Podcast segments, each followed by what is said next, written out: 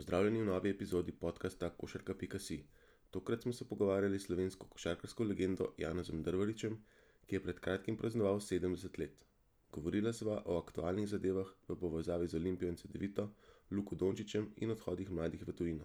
Na svoj račun bodo prišli tudi košarkarski nostalgiki, saj so veliko časa namenila jugoslovanski šoli košarke, primerjavi z ameriško in sovjetsko, Draženu Petroviču, Juretu Zdovcu in Petru Vilfanu. Vabljeni k poslušanju. Lep pozdrav v novi epizodi podcasta Košarka si. z nami tokrat legenda slovenske košarke Janez Drvarič, Janez, živijo. Pozdravljen, živjo. najprej ne moreva mimo najbolj vroče teme, današnjega dne, snemava namreč v petek. CD-vita Olimpija. Ja, zelo zanimivo, zjutraj sem bil izrazito presenečen, ko me je eden od vaših kolegov klical in sploh nisem vedel, za kaj gre. Tako da nisem mogel dati komentarja, no, kasneje sem pa na vaši spletni strani prebral, kaj se dogaja, in dejansko zelo veliko presenečenje na neki način. Hkrati pa glede na to, da vemo, kam in kako, kaj se dogaja v tako imenovanem kakovostnem in pa vrhunskem športu, se seveda iščejo različne možnosti, da se ta vrhunski šport lahko potem financira. In očitno je, da so na obeh straneh našli neko možnost, da bi morebiti prišlo do tega. se pravi, verjamete, da je zgodba na nekih zdravih temeljih in da zna uspeti? Ja, po tistem, kar je bil tudi zdajle odziv iz kluba, verjamem, zaradi tega, ker poznam, kako je predsednik Berločnik resen človek in da seveda prav gotovo, če je dovolil, da je ta stvar prišla v javnost na tak način, pomeni, da gre za resno zadevo. a lahko mogoče kakšno, ker v javnosti se pojavljajo malo vzporednice z Model groupom, ne. ste bili tudi takrat, kako bi to primerjali? vem, da ni še informacij, ampak, verjetno ne gre za isto zgodbo, ne?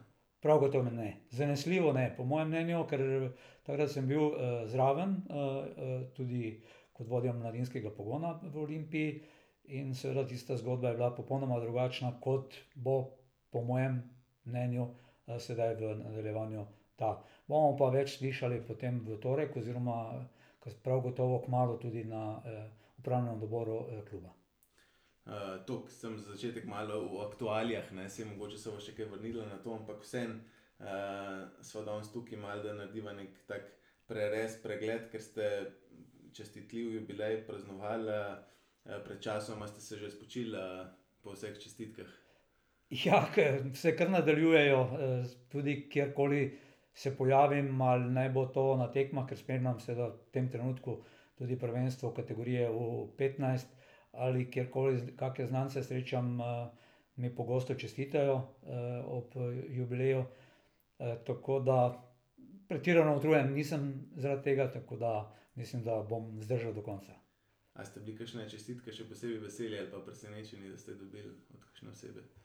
Ja, moram kar priznati, da sem bil presenečen, da sem doživel čestitke na Olimpiji takrat, ko sem prišel na tekmo, to je se zgodilo prav na moj rojstni dan, enaindvajsetega maja, kjer sem ob med po, po prvi četrtini mi je bilo rečeno, naj malo vstanem, in potem vidim, da predsednik Berločnik in direktor Lisac nekaj pripravljata, no, in so mi podarili fotografijo, lepo iz mnogo let nazaj, še iz Olimpije.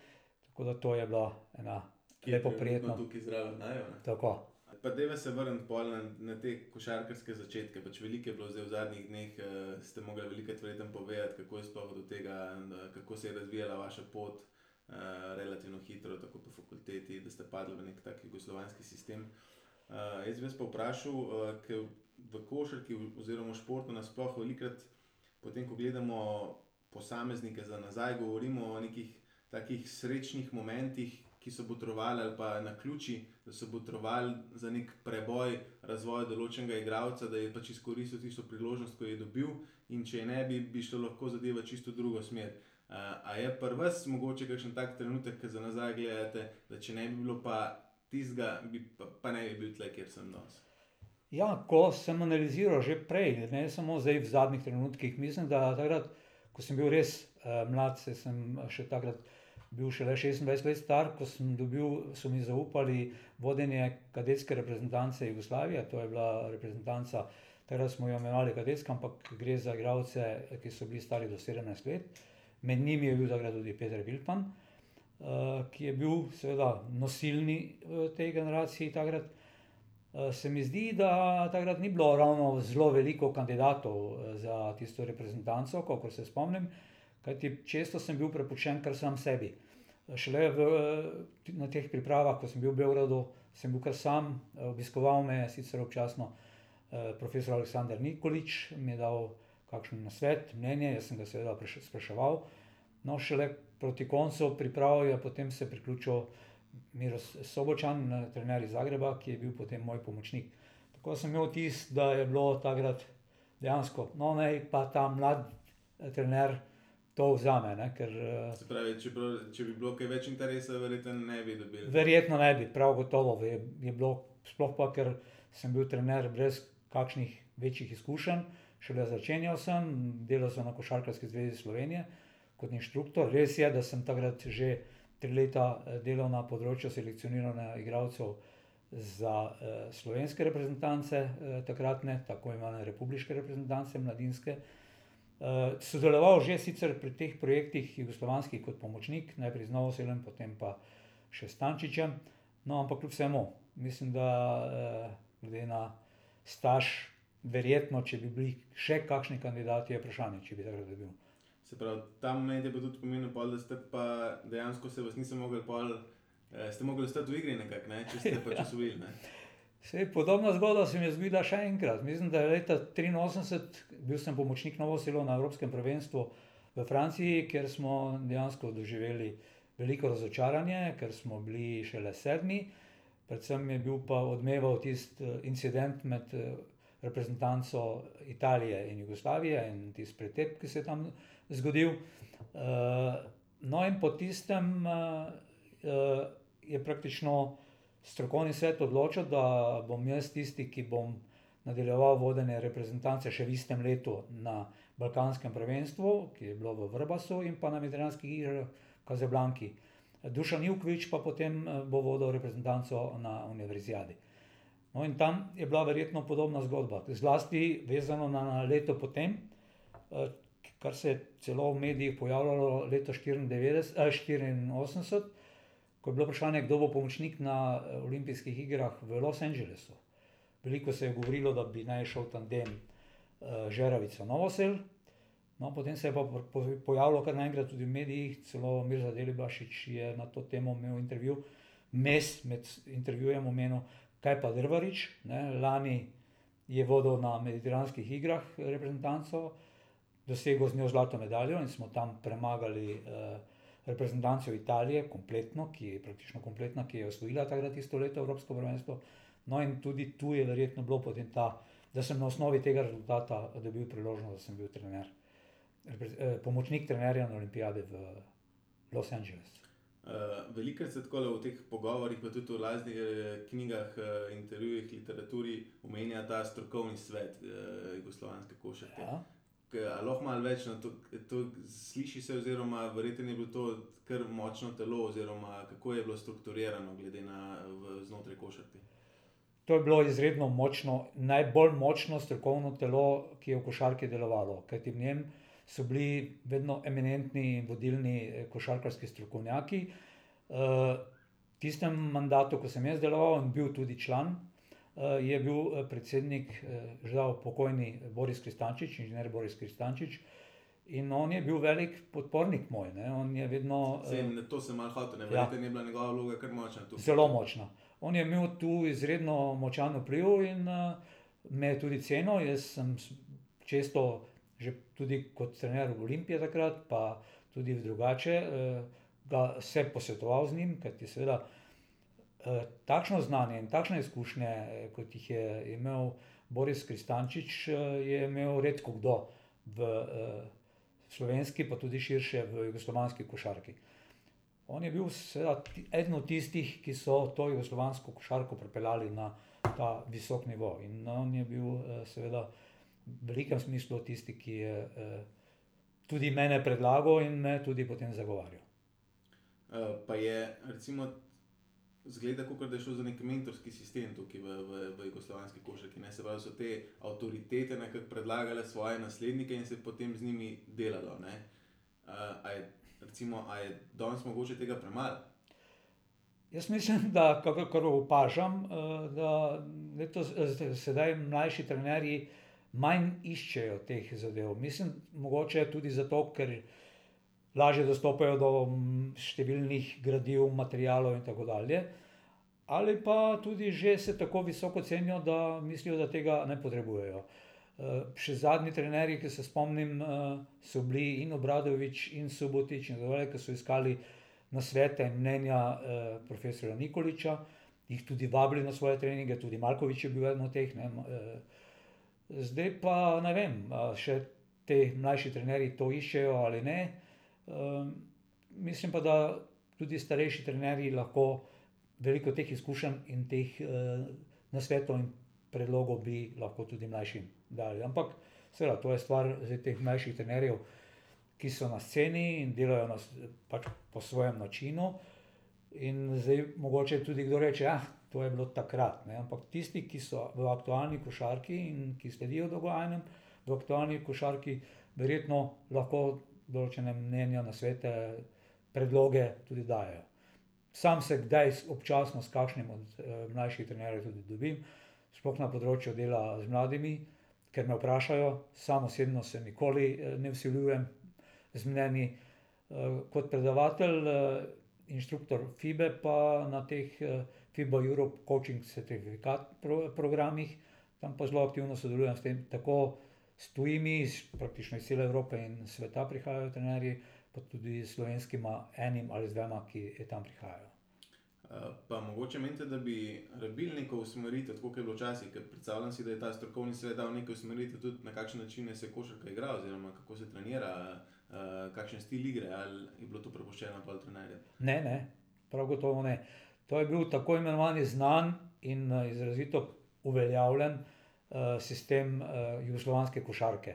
Jugoslovanske šole košarke. In v tem konceptu smo delovali vsi. Kaj to recimo pomeni jugoslovanski stil košarke? To pomeni, da smo skozi mlajše starostne kategorije delovali predvsem v razvoju perspektivnih mladih igralcev. Ki so skozi, kot sva že prej rekla, kadetsko, mladinsko reprezentanco, takrat sta samo dve kategoriji bili, ne tri, takrat je bilo torej kategorija do sedemnajst in kategorija do devetnajst. In skozi tega so morali, morali smo, torej smo izvajali te selekcije in skozi te selekcioniranje smo zbirali igralce, ki bodo lahko potem v perspektivi igrali za člansko reprezentanco.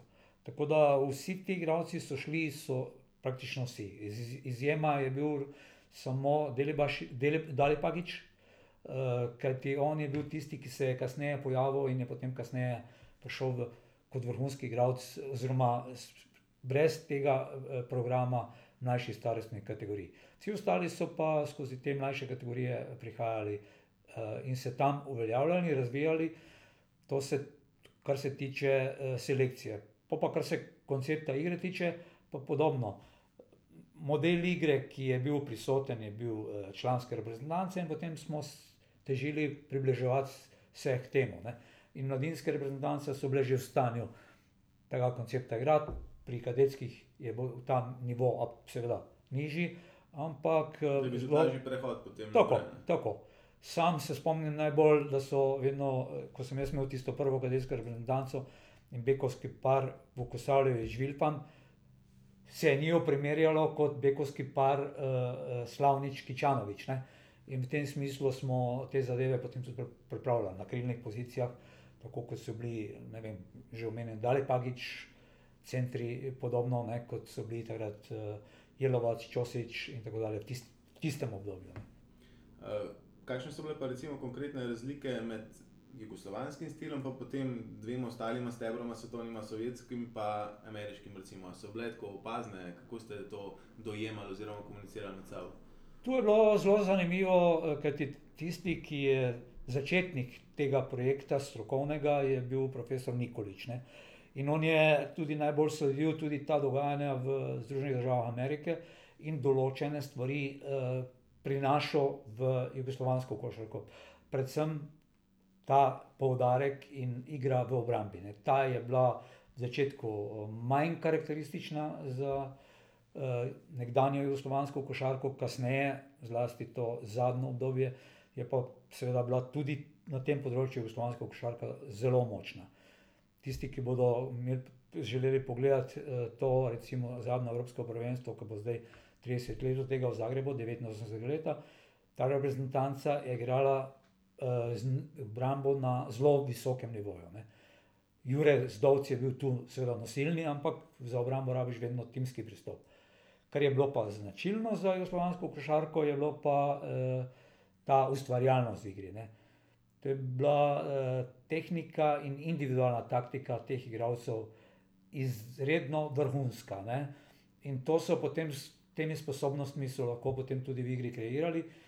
Tako da je bilo to značilno recimo tudi za enega divca, ki eh, je bil visok igralec, center ne, po vlogi, je bil sposoben tudi prenesti žogo, jo podati, organizirati, asistirati in tako dalje. Kar je zdaj trend. Pa, tako, kar je zdaj tudi trend ne, na nek način. Uh, ampak tudi Divac je bil tisti, ki je to povzel od Krešimira Čosiča. Krešimir Čosič je bil namreč prvi tisti, ki je bil sodobna in moderna uh, pozicija štiri, ne, ker je bil v stanju prenesti žogo, organizirati žo, uh, napad in tako dalje. Ne tako v reprezentanci, kot tudi tistem obdobju, ko je v Olimpiji igral. Ne. Recimo uh, Jože Papič, uh, ki je bil v Olimpiji takrat playmaker, mu je vedno krešo rekel: teči, Joško ti naprej, jaz ti bom organiziral, podal in tako dalje. Ne. Torej ta kreativnost na poziciji štiri. Vse te stvari, kot američani pravijo, so bili role model. Ne. Uh, torej modeli za te mlade igralce, ki so prihajali, uh, so bili potem njihovi predhodniki so bili vzorniki za te igralce. Pa ste imeli recimo več stika z ameriško košarko kot sovjetsko? Uh, z ameriško smo imeli, predvsem zato, ker smo vodili mlade reprezentance. Te poti so bile kar redne. Ne? Te so bile konstantno vsak november. Državna prvenstva so bila prekinjena in takrat smo šli z mlado reprezentanco leta 1988, sem jaz vodil. Eh, takrat je bil tudi Jurek Zdovc, tisti, pa Čurčič je bil eh, z Olimpije, oba sta bila takrat šla na te reprezentance. In Jurek je bil takrat eh, praktično nosilc te mlade reprezentance, in od tistega naprej je pridobil tudi to vlogo, da je postal eh, nosilni igralec v državni reprezentanci na 19. leta. Ne. Torej, to so bili konstantni, sovjetsko zmezo. Za nazaj bi gledal, da bi bilo bolj logično, da bi v Moskvo vsak let. Eh, ne, ne, ne, pa ni bilo tako. Eh, z Rusijo smo predvsem eh, imeli veliko rivaliteto. Ne. In to so bila že obdobja, če pogledaš te nazaj v zgodovino, že pred 70 leti. Ne. Kasneje, potem v 70 letih, se je pa začela tista uh, dominantnost tudi v primerjavi z Rusijo ne, pa tudi potem praktično z američani. Svetovno prvenstvo v Ljubljani leta 70, na tribunah so bili transparenti, luna vaša, zlato naše. Ne. Uh, torej so bile te zadeve, ampak uh, te uh, košarkarski strokovnjaki, ki so takrat pripravljali to košarkarsko, jugoslovansko košarkarsko šolo, so pobirali te pozitivne stvari, ki jih je bilo možno prebrati, ampak glede na potencial, ker to je ključno zadevo, glede na potencial, so potem tudi gradili uh, sam koncept in samo šolo. Uh, kako pa je mogoče videti uh, danes, pri kakšni ekipi ali reprezentanci, kakšne ostanke te mentalitete, sloga? Uh, zdaj bi rekel, da mogoče uh, Srbi še skušajo tudi to kontinuiteto držati, predvsem uh, mislim, da z Đorđevičem so še zlasti. Ne, Sveda, Ivkovič je že tako predhodno tudi to gradil, ker ko je bil selektor Ivkovič, to je praktično še bilo Evropsko prvenstvo v, eh, Sloveniji, v Ljubljani, ne, je ta koncept, ki ga je tudi on eh, potem nadaljeval eh, kot selektor, tudi bil prisoten, no, ampak kasneje sem pa to najbolj videl zdaj tudi pri Đorđeviču, tako da on je šel v tej smeri, oziroma gre še zmeraj v tej smeri. Pa če se malo vrnemo še nazaj, A je bilo to takrat smatrano, te vaše redne poti v ZDA, pa uh, kot nek privilegij, uh, da ste, ste ga imeli kot ekipa, ki je v svetovnem vrhu, ali so bili še kakšni drugi, mogoče taki privilegiji, da ste jih bili deležni? Primerjavi recimo z v navednicah običajnimi populacijo v Jugoslaviji. Uh, ta NCAA, NCAA organizacija je seveda absolutno želela vedno, da jugoslovanska reprezentanca pride, ker to je bila najboljša promocija. To so praktično bile tiste uvodne tekme, preden se je tekmovalna sezona začela. Ne. Preden se je uradna tekmovalna sezona začela, so te vodilne eh, univerze predstavljale svojo ekipo in seveda, če so imeli kot nasprotnika Jugoslavije National Team, ne, za njih ni bilo to pomembno, da je to eh, mlada, ne, nekje do 20-21 let, ne, ampak so seveda to vedno promovirali kot takšno in to jim je veliko pomenilo. In to je seveda eh, kot tako eh, bilo že kot privilegij, ne, da je do tega, ker ti. Tu je bilo pokrito vse, ne. tu je praktično avionske karte so prišle, hoteli so bili pokriti in vse to, se pravi, to je bilo tu ni bilo denarja, nobenega zraven, ne, kar mogoče so zdaj v sodobnejših časih tudi to, da če je nekdo povabljen, da dobi tudi kakšen denar. Ampak mm. univerze tega v obliki denarja niso dale, ampak so pa zagotovili in to je že velik. Ne. Če ti imaš vse pokrito, da ni pri tem nobenih stroškov, yeah. Ja. je ta stvar že urejena.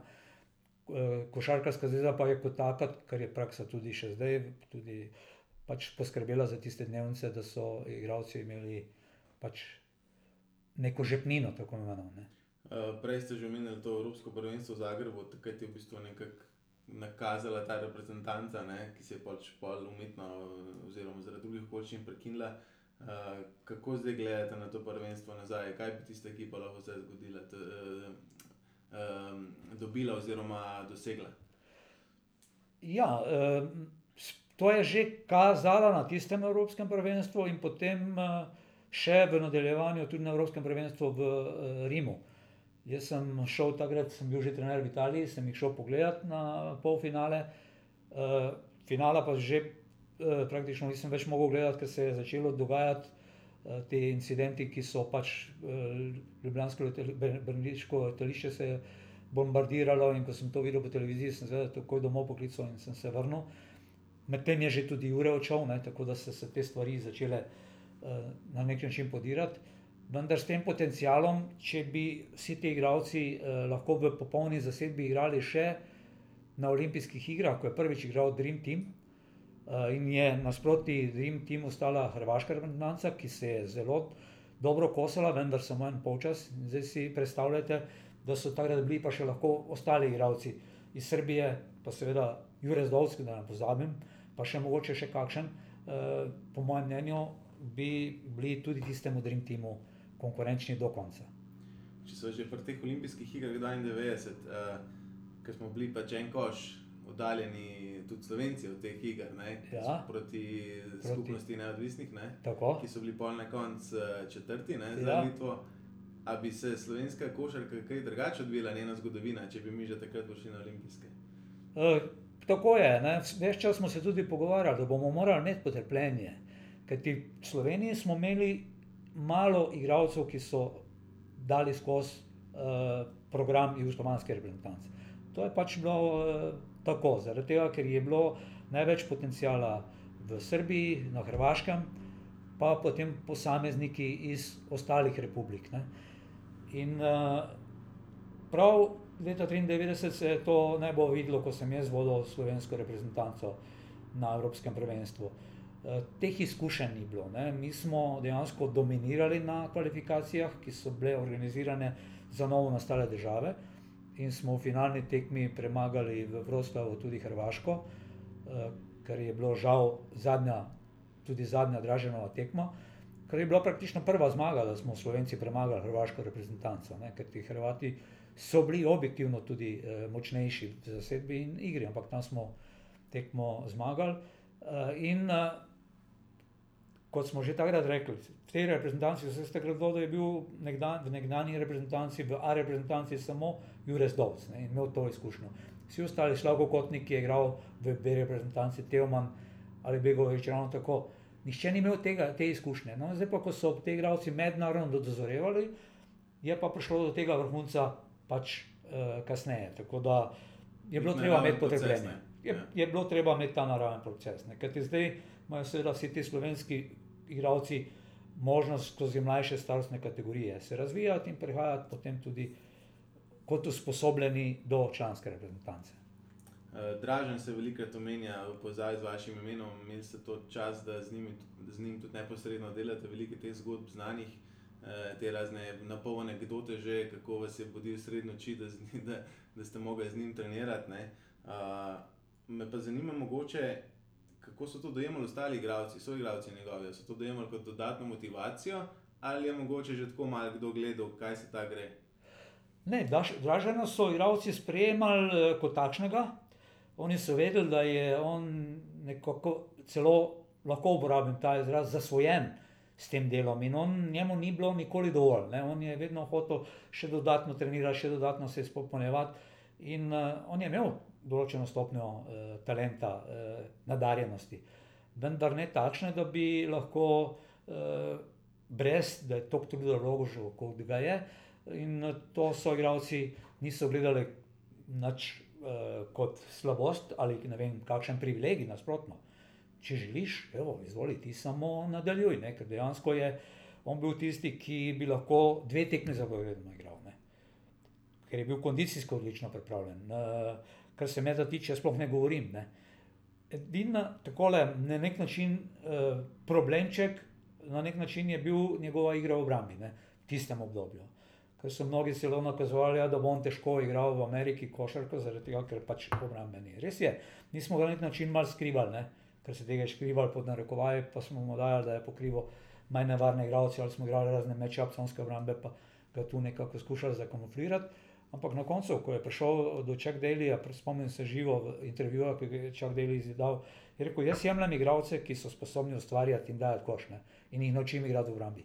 Obratno gre težje. Ja, ti obratno ne moreš, če nekdo ni k temu sposoben in uh, ne zna in ne more ne skreirati, ne, ne ustvariti situacije sam zase ali za svojega igralca, to ni to. Ne. Ker ti v končni fazi, za me je tudi obramba seveda pomembna, ampak pomembna je tudi napad. Obramba in napad, košarka je pač takšna igra. Ne. Ker na koncu zmaga tisti, ki došeže koš, koš več. Nekdo mi potem reče, ja, ampak ali pa tisti, ki spreme koš manj. Ampak na koncu ti moraš zadeti da lahko tekmo zmagaš. Omenili ste predraženo talent, pa delo.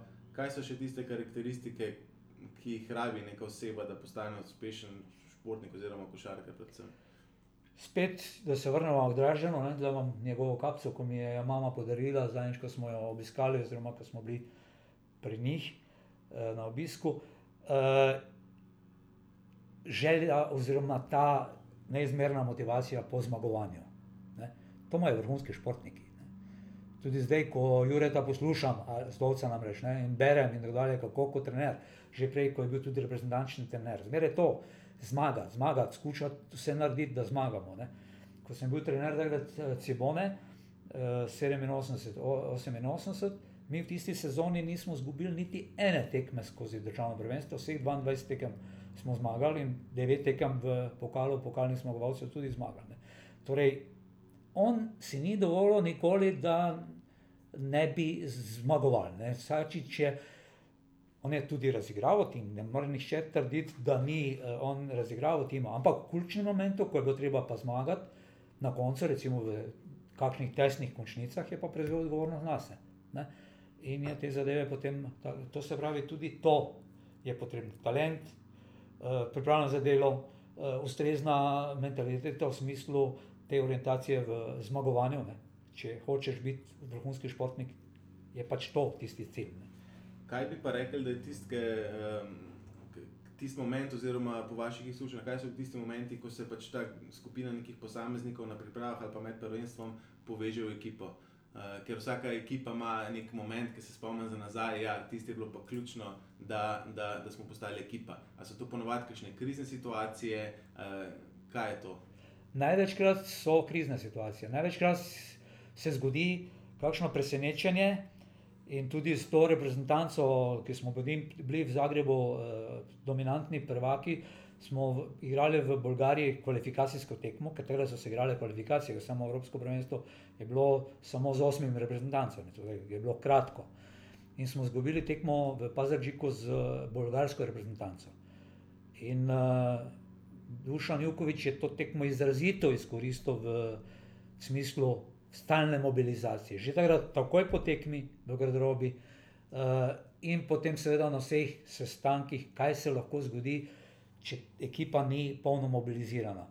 Problem je bil namreč to, da so igralci niso bili zbrani in skoncentrirani na to tekmo, temveč so razmišljali o finalu Jugoslavijskega pokala, ki je takoj po tistih kvalifikacijah bil in so se vračali nazaj in so potem imeli eh, fokus že na te tekme. Da moraš biti fokusiran samo na tisti trenutek in na tisto tekmo, na kateri si. Tako da eh, tisto potem poveže tudi ekipo. Ne. Eh, seveda, zmage pa držijo potem to kohezivnost, to povezanost znotraj ekipe, pa skupaj. Ne. Ker če začneš enkrat zgubljati kontinuirano, potem uh, se tudi ta povezanost začne podirati. Uh, tudi zdaj ste veliko povezani z delovanjem mladih oziroma mlajših selekcij. Kako primerjate zdajšnje generacije, pa prejšnje, karakterno, kako bi jih vi uh, ocenili? Ja, zelo spremljam vsa dogajanja v mlajših kategorijah, zaradi tega, ker sem vsako poletje tudi na evropskih prvenstvih, eh, ker v sklopu teh evropskih prvenstv v A diviziji, tako U16 kot U18 in U20, poteka ta FIBA Europe Coaching Certificate program in seveda potem spremljam tudi vse te tekme, ki se tam igrajo.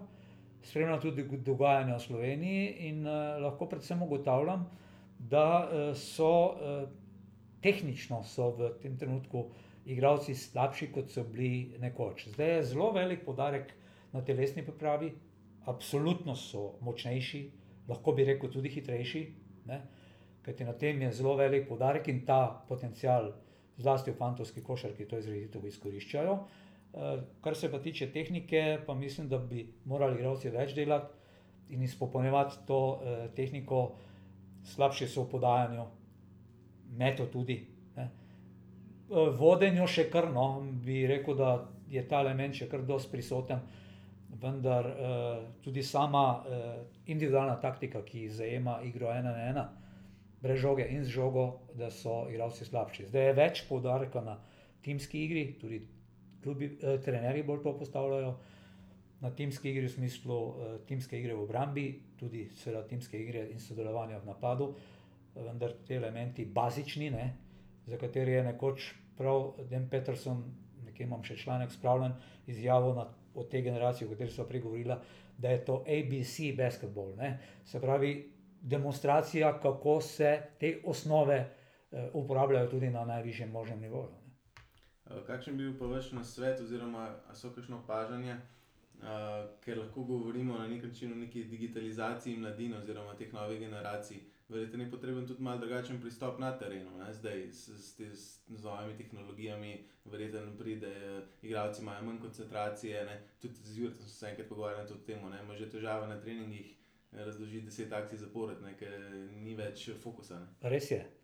Tudi to drži, zdaj, ampak hkrati je pa treba tehnologijo v ta prid izkoristiti. Jaz pogosto pred, eh, predlagam tudi trenerjem ali pa tam, kjer to možnost imajo, da jih posnamejo, Ne? In potem se naredi klipe. Ne? In uh, mladina je danes koncentrirana na tiste highlights, ne? na kratke. In če mu ti narediš klipe, pa rečeš, hej, danes bomo pa to pogledali, to užilo tam, ne? kaj je bilo tisto. In s tistimi klipi, oziroma s tistimi posnetki, potem uh, lažje določene stvari argumentiraš. Ne? Včasih se je to dalo, so hitreje potem tudi te zadeve do, eh, dojeli, tudi v smislu fokusa in koncentracije. Danes je ta koncentracija krajša. Zato je treba to v tem smislu tudi krajše narediti. Uh, še čist na kratko odraženo, pa ki ste prej imeli biserko, ki ona konkretno tudi je dala eno primerjavo med Draženom in Luko. Uh, tudi vi, kaj opazite, kakšno podobnost? Prav gotovo. Uh, Luko sem tudi imel priložnost poznati, takrat sem bil še zaposlen v košarkarskem klubu, ko je on bil v košarkarskem klubu Olimpije, ko je on bil v košarkarski šoli Olimpije. In uh, prav spomnim se še telovadnice v Dreniku in tako dalje. pa tudi kasneje, do njegovega 13. leta, ko je odhajal, uh, da je imel to izjemno ustvarjalnost in kreativnost. Ne. In hitro dojemanje, to je na, naslednja stvar, ki je pri vrhunskih igralcih pomembna. Uh, da hitro dojamejo določene stvari in da se hitro neke stvari naučijo. In uh, Luka je to okazal, tudi v primerjavi z starejšimi. In takrat so tisti fanti, Grega Brezdovc je bil tisti, ki ga je imel v tej prvi starostni kategoriji, rekel: ne, ne, ti nimaš več tle pri nas početi, ti moraš iti že gor v selekcijo. In je šel v selekcijo. In je ta selekcija U15 šla na državno prvenstvo v Rogaški, bilo sem to tudi spremljal.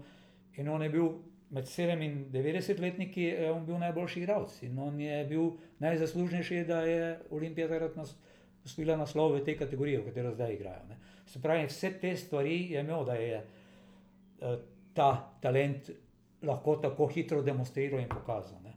Tako da te paralele se lahko uh, vlečejo uh, med njima. V povezavi z Luko, zdaj v zadnjem obdobju obstaja nek trend, da mladi igralci zelo radi odidejo v tujino. Kako to komentirate, kakšno bi bilo vaše priporočilo, mogoče predvsem za starše? Jaz pogosto tudi staršem rečem, da če že mislijo, da je njihov sin kot Luka Dončić, da se motijo. Dobesedno. Zaradi tega, ker Luka Dončić in Dražen Petrovič in Toni Kukoč, in ne vem, kakšni talenti še če naštevamo, se pojavljajo na vsakih 20, 30 ali več let. Tako da te primerjave niso uh, ustrezne in primerne, in je ne mogoče. Zato predlagam, da so starši potrpežljivi, da ne hitijo, ker ti potem se dogaja. Nažalost, tudi to, da odhajajo tako zgodaj v tujino, in da se seveda potem tudi eh, pogosto prezgodaj vračajo. Zato eh, poudarjam ponovno, v Sloveniji je dober program za delo z mladimi, kar v številnih klubih, kjer je poudarek tudi na delo z mladimi. Ne, eh, ne bom zdaj nobenega kluba našteval, ampak je kar nekaj klubov, ki so dobro organizirani, poskrbljeno za eh, ta razvoj mladih in mislim, da s potrpljenjem pride tudi potem ta korak naprej. Luka je bil izjema. Uh, recimo Vladko Čančar je dal program skozi. On je začel v Kopru, je bil 12. igralec kadetske reprezentance, oziroma v 16, je prišel v mladinski program Olimpije, je dal celotni mladinski program Olimpije skozi, je šel igrati v Škofijo Loko, je dobil nekaj minut tudi že v članih, no, pa se je seveda pač odločil, da bo šel v Mego, bil draftiran in uh, zdaj v Španiji, zdaj bo spet nadaljeval, ampak s potrpljenjem, ne, jaz pravim, treba je imeti potrpljenje, ne da se iz osnovne šole prijeti na fakulteto. Se ne da. In tudi verjetno obstaja več poti do, do izga cilja. Ne? Seveda. Edina pot zdaj, čim mlajši zapustiti Slovenijo, hmm. pa iti na neko. Zanesljivo ne, zanesljivo ne. Sploh, če še enkrat podarim, zato ker v Sloveniji, kar se tega tiče, imajo program zagotovljen. Ne? Jaz poznam zelo dobro tudi program uh, Reala Madrida. Ne? Ker smo s Pavlom Lasom praktično vsako poletje skupaj in tudi pri njemu smo imeli podobno zgodbo, teda v tistem letu, ko je Luka prestopil in smo bila skupaj v avto za gledališče, so nas pelali v hotel. Rekel, pa mi je sva se na to temo pogovarjala, pa rekel, ja, veš, bomo zelo postopoma z njim. Najprej bo v kategoriji v 15 igral, potem v 17, ne. pa se je zgodilo, se rekel, ne, ne, Pablo, ne bo šlo tako. On bo igral že v 17, zdaj ko prihaja, tega, ker je to sposoben. Ne in kmalo bo potem igral tudi v uh, 19. No, in tako se je tudi zgodilo, na koncu, ko bi on še želel igrati v 18, tisti Euroliga turnir, je Pavlo res rekel: ne, ne, tisti članski rost, ti nisi več mladinci, ti tega ne moreš več igrati. Ne.